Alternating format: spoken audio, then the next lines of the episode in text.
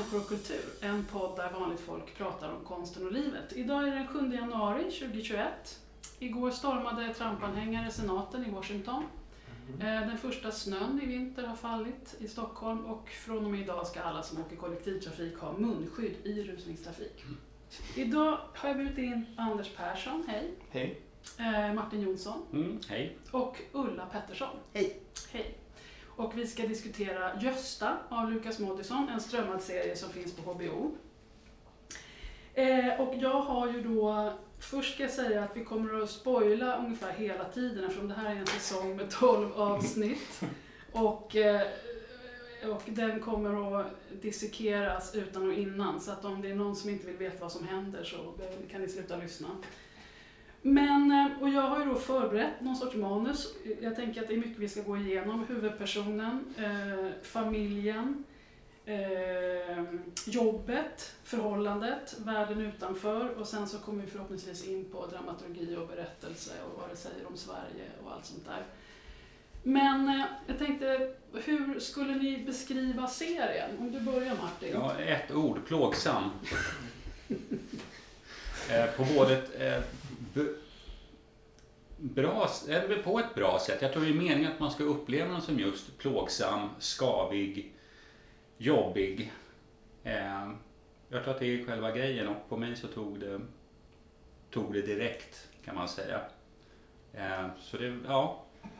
Men ändå, jag fick, upplevde ändå att jag fick några små belöningar emellanåt. Framförallt i sista avsnittet. Det kan jag, det kan jag det. spoila sen. Ja, verkligen. Vad säger Ulla? Jag håller med. Den, det ska det. Eh, Den är ju lablad som en komedi. Och jag skrattade inte en gång, enda gång. Eh, jag kanske log några gånger, men jag skrattade inte någon gång. Ja, intressant. Samtidigt så tror jag inte man kan beskriva den som någonting annat, för då låter det för seriöst. Mm, men inget skratt i halsen ens. Nej.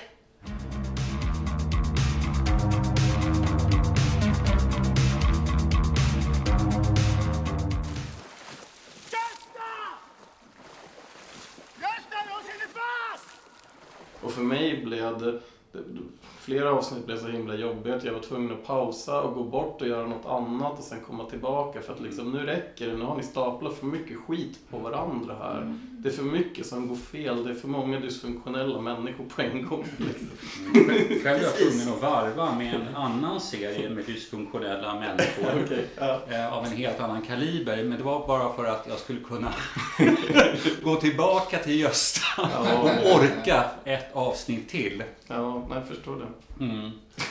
Men den, man kan ju ändå, en kort sammanfattning är ju då att Gösta är en ung kille, han känns som under 30, strax under 30, eller hur? Mm, Ja, absolut. Som är från Stockholm, han är nyutbildad psykolog.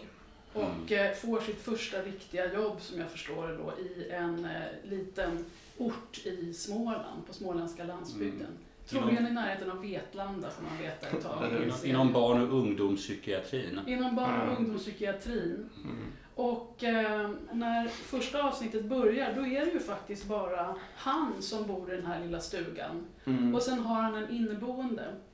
Och är det någon som vill, eh, eller ja, jag kan, det är Hussein som är en flykting. Mm. Som är traumatiserad och bor på vinden och Gösta tar hand om honom och sådär. Men eh, vi ska kasta oss in, för det är rätt så, men vi ska börja med hur eh, han har på jobbet. Vad tycker du om det Ulla? Hur, hur, är, hur funkar han på sitt jobb, Gösta?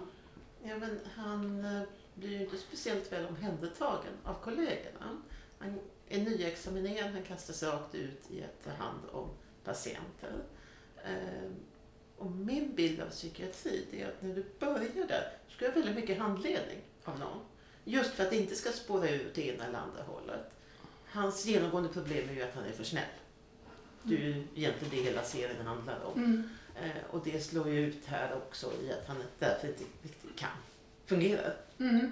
Han, får, han får ju en handledare sen så småningom. Ja, jo. Då, ja. Mm.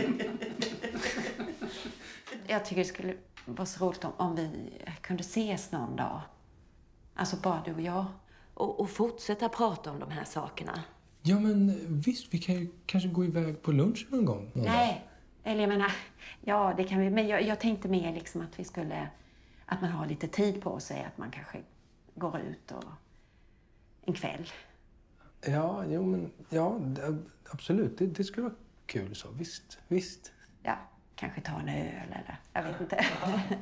Jag vet inte om vi ska ta i kronologisk ordning eller vi ser bara hur vi hamnar. Men han har ju, när serien börjar så har han ju då, när han har flyttat upp för att börja jobba där eh, på BUP i Vet, ja det kanske inte är Vetlanda, vi säger bara en småländsk mindre ort. Eh, Så har han ju ett förhållande, att han har ju lämnat sin Melissa i, i Stockholm.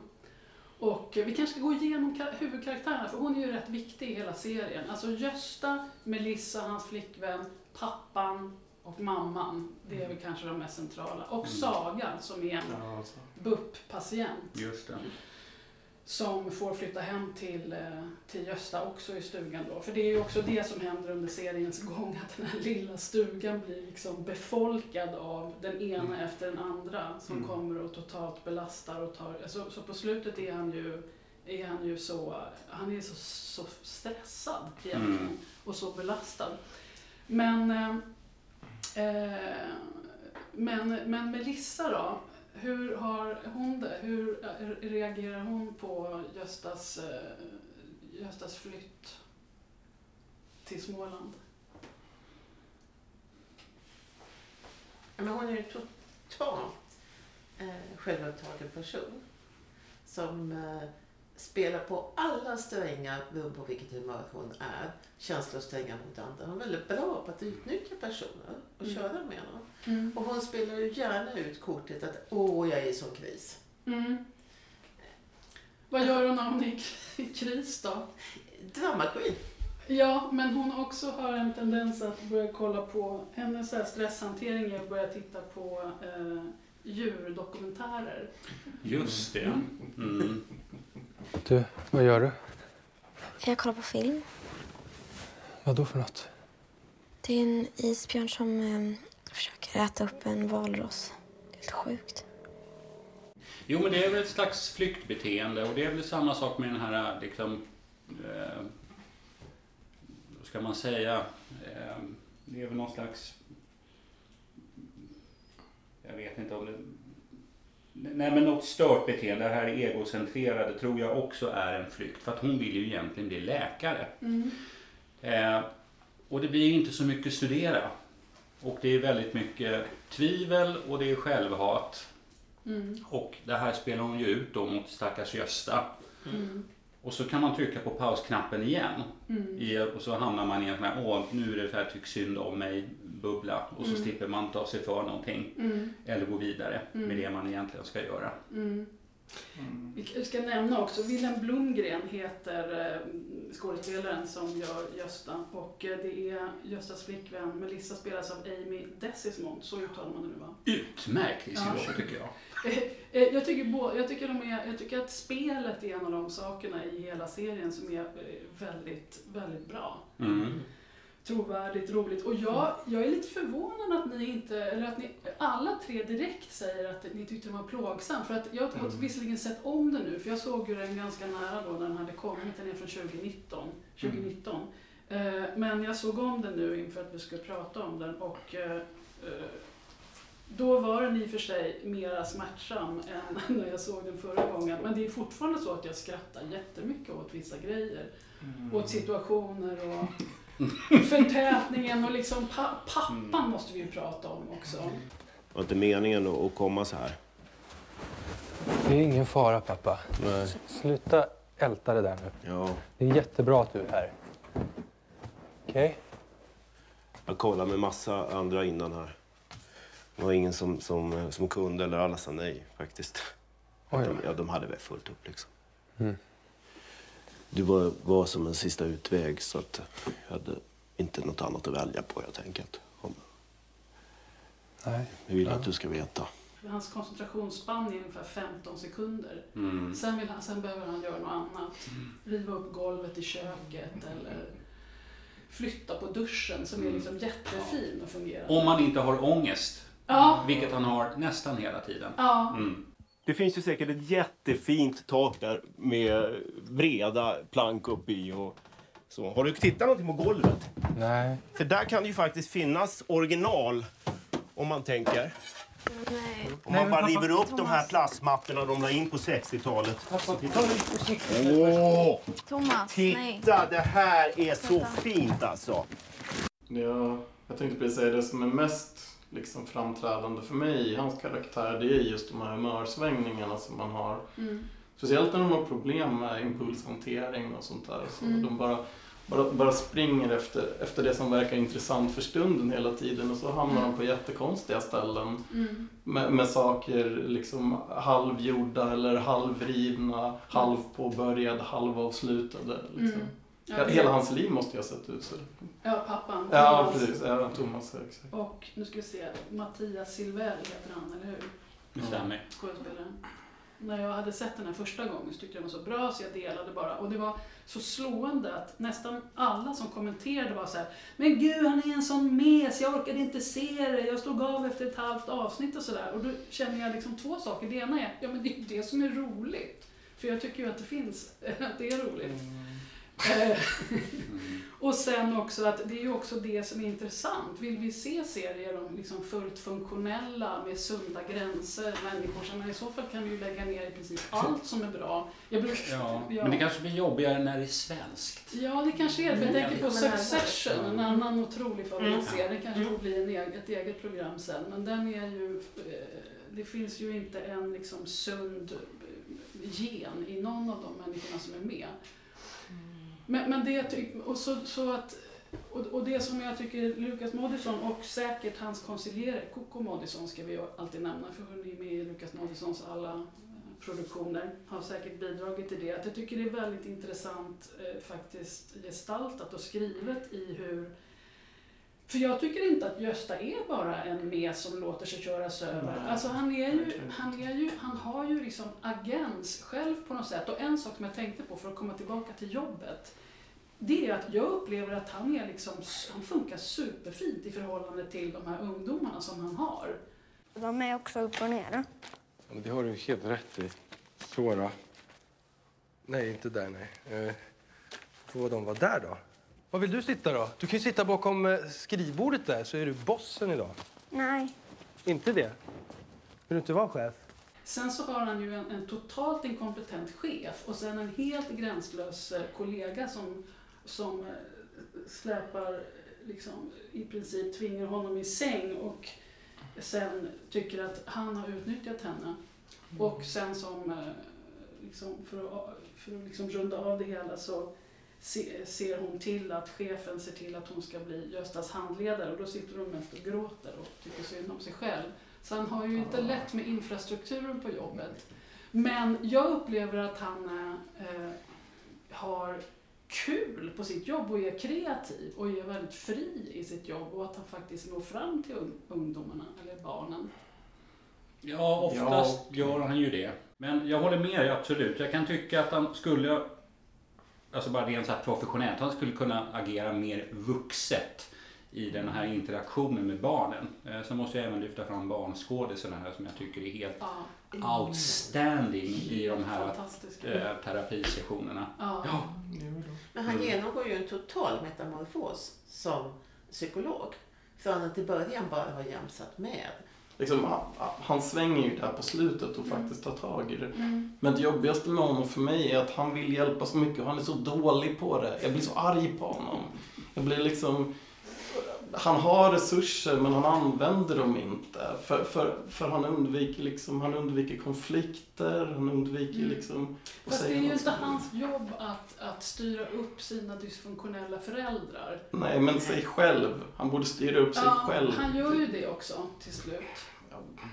Eh, Och det är, ju, ja, men det är ju det som är så underbart. Man får ju vänta väldigt länge på det och det är ju det som är plågsamt kände jag när jag såg om hela serien nu. Men alltså det är ju inte förrän i avsnitt, jag faktiskt gjorde en liten genomgång av det och det är, eh, alltså fram emot avsnitt åtta ungefär så börjar hans tillvaro nå någon sorts kritisk massa av, av social belastning och kontrollförlust och överdrivet ansvarstagande. men då är det väl fullt hus där med... Då är huset fullt, Ja. fullt. Då är inte bara pappan där, för han har ju bott där från hela tiden. Sen har hans kompis Jonas kommit också. Just, Just Kört från, eller tagit tåget från Stockholm och han vill hålla på med musik och vill spela in musik i skogen. Och är väldigt inne på eh, att han, vill, att han, han kom, fick en idé när han satt, just det, han satt på tåget och fick en, började associera till Auschwitz. Så nu är han inne på att han ska göra någon sorts singer-songwriter-grej om, om koncentrationslägren. Antingen det eller flyktingsituationen. Han Mm. håller på att laborera lite med de två. Train after train coming into the station. Heter det coming into the station eller coming in on the station? Uh, coming in on, kanske? Och sen är det Saga då som ju är, är också en helt underbar karaktär. Eh, och, och sen är det Hussein uppe på vinden som ju håller på att gå upp i atomer såklart. Han får ju, det blir ju som to- total posttraumatisk stress för honom Mm. i hela den här... Ja, men han blir ju indragen också mot sin vilja. Han håller Ja. sig liksom på sin kant eller sin kammare så att säga. Ja. Men då har man ju pappan där som drar in honom i olika situationer av liksom, eh, vad ska man säga, missriktad välvilja. Ja.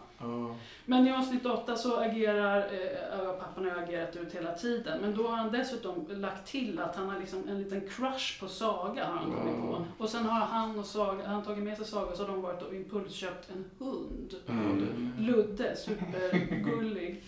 Och precis i slutet på avsnitt 8 så gör mamman, eh, spelad av Regina Lund, entré med en uppstoppad örn som hon ska ha till sitt fotoprojekt. Ja, Ser jag stark ut eller ser jag svag ut? jag tycker det ser otroligt stark ut. Inte utsatt och... Inte utsatt, du ser stark ut, verkligen. Fan också, det, det var det jag visste. Jag, jag ser alldeles för stark ut. Nu, jag ska bara, förlåt, alltså jag måste bara titta lite mer noggrant på bilderna. Ehm, och då ser jag ju det här nu att, oj, verkligen svag. Mer svag än stark tycker du? Otäckt nästan, hur svag du ser ut. säger bara vad jag vill höra. Du bara liksom häver ur dig någonting bara för, för att stryka mig medhårs nu. Jag hör ju det. Du vill ju bara vara snäll. Hej då. Mamma, Och sen i avsnitt 10, eh, då är det att han ska liksom antingen, för då har, Melissa kommer ju och går lite grann också och gör slut och vill bli ihop igen. Mm, och även förmanad av sin pappa då som spelas av Olle Sarri. Nej, det är inte hennes pappa, det är hennes bror. Ja, är det bror? Ja, förlåt. Okej, ja, då har jag missat det. Ja, Mm. det missade jag också. Mm. Ja, Ja, han, han, pappan säger ju att Gösta blev till på Hultsfredsfestivalen. Ja just det. Han tar med honom, det är som en liten utflykt. Ja. Men det tycker jag var väldigt rörande. För här är pappan som totalt inte bryr sig om någonting annat än sig själv och sina egna impulser och infall. Och så plötsligt är det ganska rörande, även om man kanske blir mer personlig vad Gösta Och väldigt önskade. självupptaget Ja, där- samtidigt. Ja, det kan jag säga. Det Ja. upplevde jag verkligen inte som rörande. Utan det är kanske en av, mina- ett av mina så här absolut... Det är sån där liksom epiphany av Ja. hans självupptagenhet. Jag tyckte det fanns en touch av att det var lite Ja. rörande också i Ja. den scenen. Och det är enda gången jag upplevde det från pappa. Jag, jag tyckte det också så här, alltså inte så här för att det kanske blev så himla bra, men att man kände att han försökte. Han liksom. har åtminstone kommit ihåg. Ja, precis. Där han var mindre försökte hitta platsen. Ja, men de är ju komplexa, alla karaktärerna. Det tycker jag är Ja. någonting som också är väldigt kul och väldigt välskrivet och välgestaltat. Och liksom välregisserat och bra dramaturgi, hur de har fått ihop allting. Hur det förtätas där från och med avsnitt åtta. För då har det varit en ganska lång uppbyggnad av det här att ja, han försöker hjälpa alla, men han känns ändå... Det som han säger på slutet sen, för att mamman har ju då de är ju taskiga mot honom allihopa också. Och så är det ju, och det är det som är en ganska hemsk egentligen, men sann gestaltning av att om man låter sig trampas på så blir man trampad på. Och det är en ganska rå sanning som jag tycker kommer fram i serien. Mm. Men mamman säger ju när hon ska släppa ut eh, Gösta på sitt fotoprojekt där, naturligtvis sitta naken med den här uppstoppade örnen i knät på ett järnvägsspår.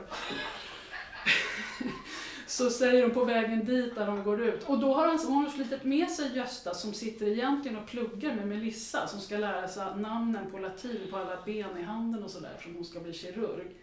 Men då har, har eh, mamman fått med sig Gösta för att ljuset är så fint just nu. Och när Melissa klagar då säger hon så här, men du måste väl låta Gösta själv bestämma och han får naturligtvis inte bestämma någonting. Eh, men då säger hon till honom i alla fall, de är på väg ut där för att rigga, eh, att liksom problemet med dig är, vad är det hon säger? Någonting om att du tror att du är bättre än alla andra människor. Ja, så att inte nog med att han är superschysst och hjälpsam och vill stödja alla och släpper in alla i sitt hem. Dessutom så får han hån för det. Så sluta mobba nu. det är också det är avsnitt 10 när han, för då har allt det här hänt som jag gått igenom nu. Hunden, uppstoppade örnen eh, och han är eh, och, och, och Melissa har just deklarerat då när hon sitter och, och han ska eh, förhöra henne på, på medicin, eh, medicinlitteraturen så, så passar hon samtidigt på att säga att det går mycket bättre nu att plugga när hon inte är ihop med Gösta längre. Och att det vore nog, har hon kommit på, bästa för henne, eller bättre för henne vore att bli ihop med någon som Jonas. Som inte, är, som inte är den vassaste kniven i lådan ungefär. Ja. Jonas spelas av Gustav Berg för övrigt också, väldigt fint gjord. Eh, då vänder sig, för det är faktiskt det är då på något vis det börjar att vända. Så avsnitt 8 så uppnås någon sorts kritisk massa av stress för dem. Och sen i avsnitt 10 när allt det här har hänt, då, sit, då är det faktiskt en scen när han sitter ensam i badrummet och ber en Mm. bön. Sådär, gud jag vet inte om du finns men jag har det jobbigt. det är så himla fint, tycker jag. Ehm, och då har, i, i och för sig, och det har precis innan det händer, när han till slut bara vänder sig, han har liksom ingenstans kvar att vända sig. Då har mamman gått in, för att hon är ju lite sur eller Gösta är orolig för att pappan håller på och limmar på Saga av fullkomligt professionella och förklarliga och bara mänskliga skäl.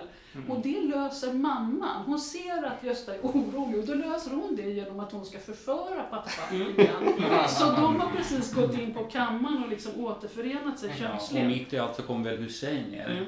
Ja, precis. Och då brister det för. Hussein. Ja, det brister för Hussein. Ja. Och Är det då- efter det här som han blir utkörd i skogen? Ja, ja, det är näst sista avsnittet. Åh, det var så plågsamt. Mm.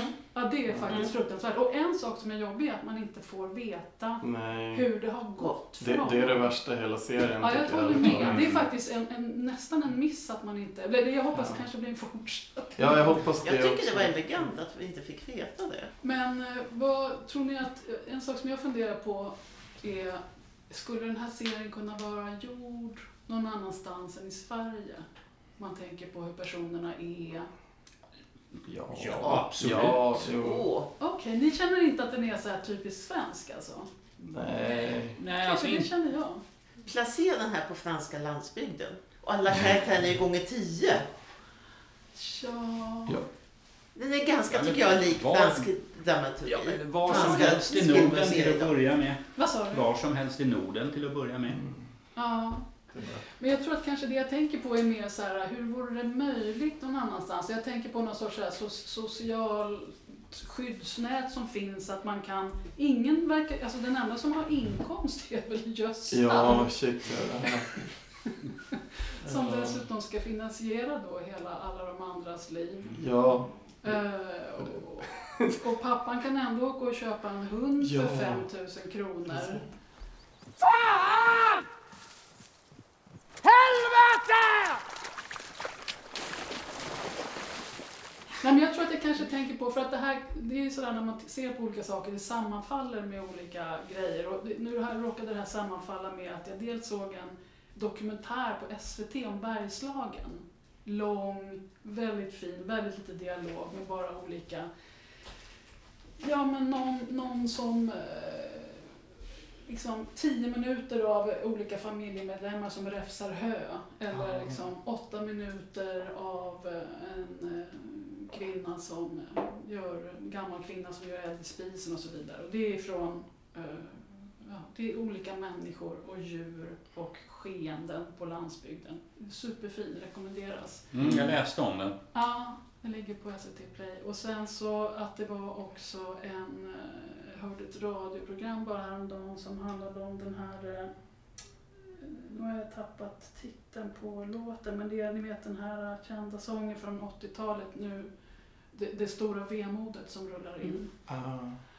Så det, de sakerna tänkte jag på på något vis. Och också nu samband, jag tänkte på det igår kväll med de här äh, amerikanska republikanska Trump-galningarna som stormar senaten. Och eh, samtidigt som jag satt och tittade på den här när Gösta cyklar liksom i en gungstol på den småländska landsbygden.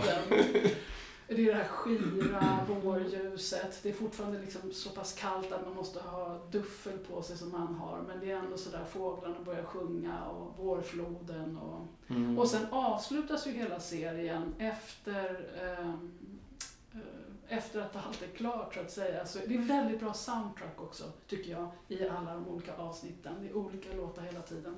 Men det är en sån riktigt fin folk, svensk folkvisa på slutet med fiolspel.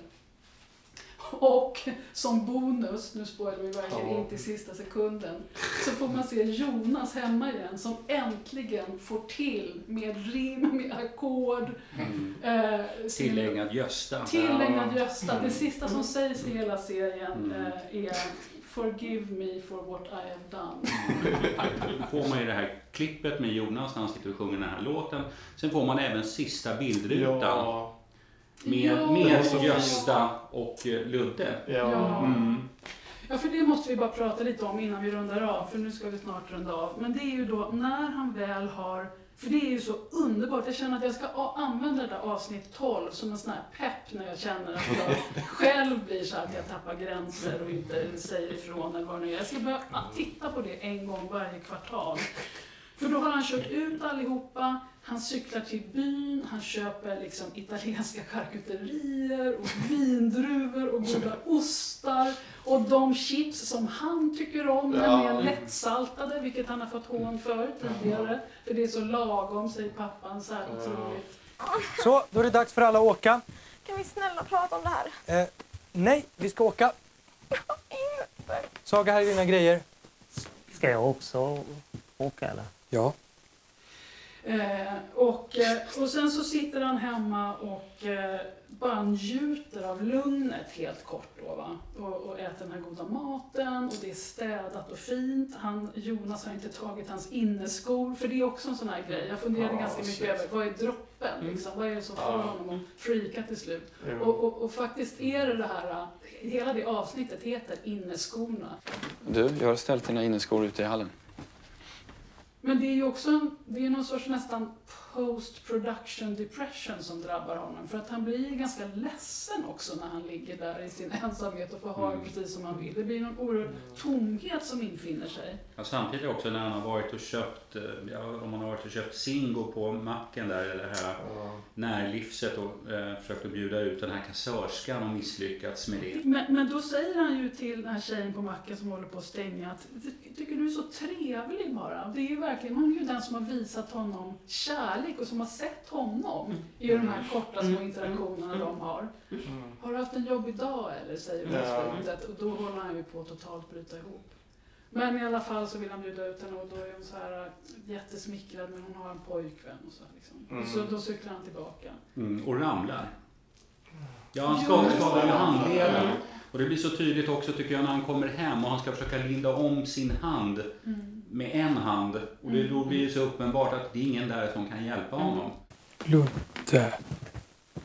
Du. Min kompis. Är du kvar här? Vet du? Vet du vad? Jag vet inte om du kan stanna här nu. Jag jobbar så mycket. Jag hinner inte. Du. Vi ses igen. För hunden är ju den han har roligt med. Det är också det som jag tycker är underbart med Gösta, att han, han hittar små luckor av faktiskt frihet och glädje på något vis. Och till och med när det är som allra värst där så är ju hans belöning på något vis är att han får gå ut i skogen och leka med Ludde och gå Mm. ut med honom. Men. Ludde försöker aldrig trycka till Gösta. Verkligen inte. Och han får honom att gå fot till slut och sådär. Ja, och, och Ludde är den han, han, när han liksom börjar så här öppna sig, för han har slutit så himla mycket inom sig. Ja. Men när han väl börjar liksom öppna sig lite och faktiskt säga vad han tycker och tänker och känner och så, det mesta av det säger han ju till Ludde liksom. Ja. Han, han till och med säger åt honom så här, "Bara, men Ludde, kan inte du vara min psykolog? Du behöver inte göra så mycket, det är bara att lyssna eller något sånt. Men på något sätt är det så normaliserat för den här huvudpersonen att alla andra kräver saker av honom. För så har antagligen hela hans uppväxt med de här två Ja. helt dysfunktionella föräldrarna har varit. Mm. Att han har fått fixa. Och det är så självklart för honom. Ja, så att det tar väldigt lång tid innan det brister. Det Ja, behövs de här verkligen. tvåskinnstofflorna till slut då. Ja. I det här totalt kaotiska. Ja. Nej men verkligen, det är ju helt, det förstår man ju att... eh, Och ändå så har de ju en, alltså... Han är ju ändå, han är ju ändå, det är inte så att jag tycker Gösta ändå känns som att han har och det är därför som jag tror att jag reagerar mot de som bara tycker att han är en sån mes. Alltså han har ju hittat ett sätt att faktiskt, han har skaffat sig en utbildning, han har skaffat sig det här jobbet. Han har liksom en egen motor väldigt mycket. Det är mer som att det är så, precis som du säger Ulla, han är så van vid att det är på det här sättet. Så han har, han har liksom hittat någon sorts förhållningssätt 2.0 gentemot sina föräldrar. Så att det är ju inte som att man... Och de, det är nästan som att det går på autopilot för dem att, att eh, köra med honom och sätta sig över och sådär. Om du vill kan vi hjälpas åt att sätta ihop. Vi sätter ihop den här nu! Hallå? Men jag tänkte sätta ihop den där. Gösta, vad är det med dig? Jag läste en, en lång intervju i DN med den här Alexej Mandelov, en svensk skådespelare, eller han är från Ryssland, som är utsett i den här serien Top Dog. Men han sa att, eh, i, i, att han hade har, så här problem att anpassa sig socialt i Sverige för att i Ryssland är det mer socialt accepterat att säga sårande saker.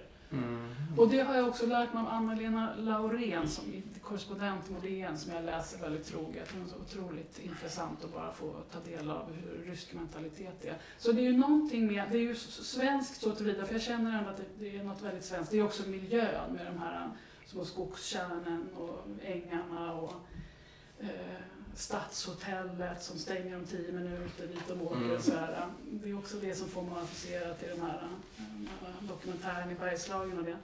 Men eh, så det är ju osvenskt på det sättet att det är den här oerhörda råheten, att man inte tassar så försiktigt för att uttrycka sig milt.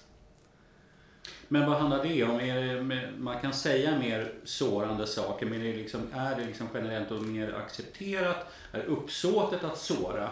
Eller kan man bara vara mer uppriktig generellt? Ja, så tror jag det är, det senare. Mm. Alltså uppsåtet är väl inte att såra, det är väl mer bara, det här behöver sägas och jag Mm. säger det. Och hur, man, hur mammor är i förhållande till sina söner och sånt där. Det har jag från Anna-Lena Laurén. Ja. Eller hur grannarna, hennes grannar där hon bor, uttalar sig om henne. Vad det än gäller liksom. Mm, bara man ut, inte uttalar sig om någons morsa, för då jävlar. Ja, det kan mycket väl hända. Det känns som att mammorna styr ganska mycket där.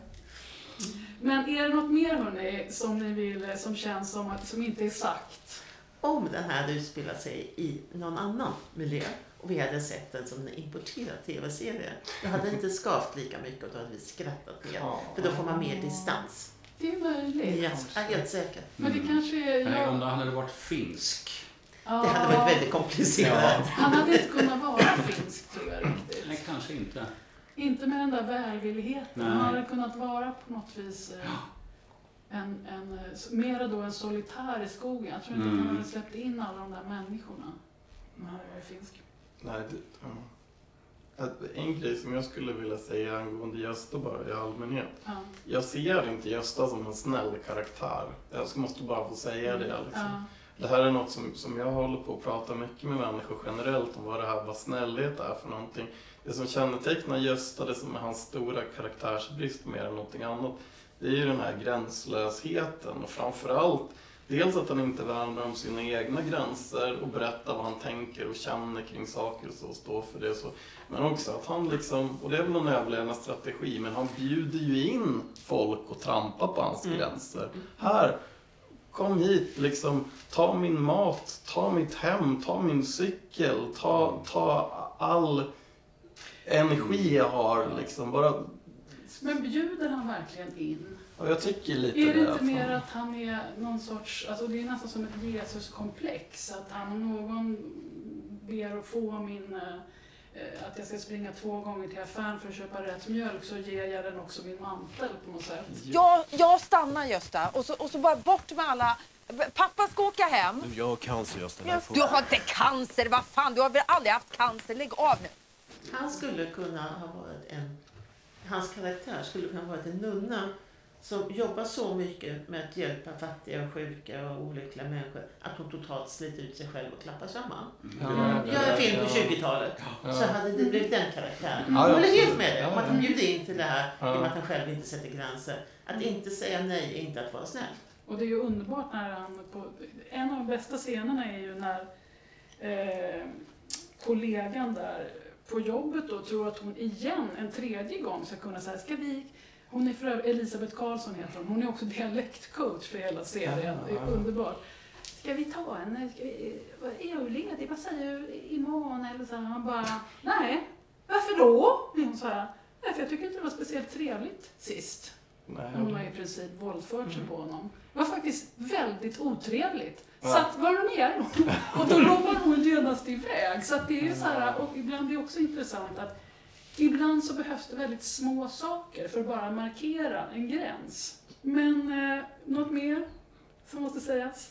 Nej, jag tycker det var väldigt kul att man kunde prata så här pass mycket och nyanserat om någonting som vi har upplevt som väldigt skavigt och jobbigt från Det är början. därför jag ville ha det här temat. Jag är jätteglad att det funkar.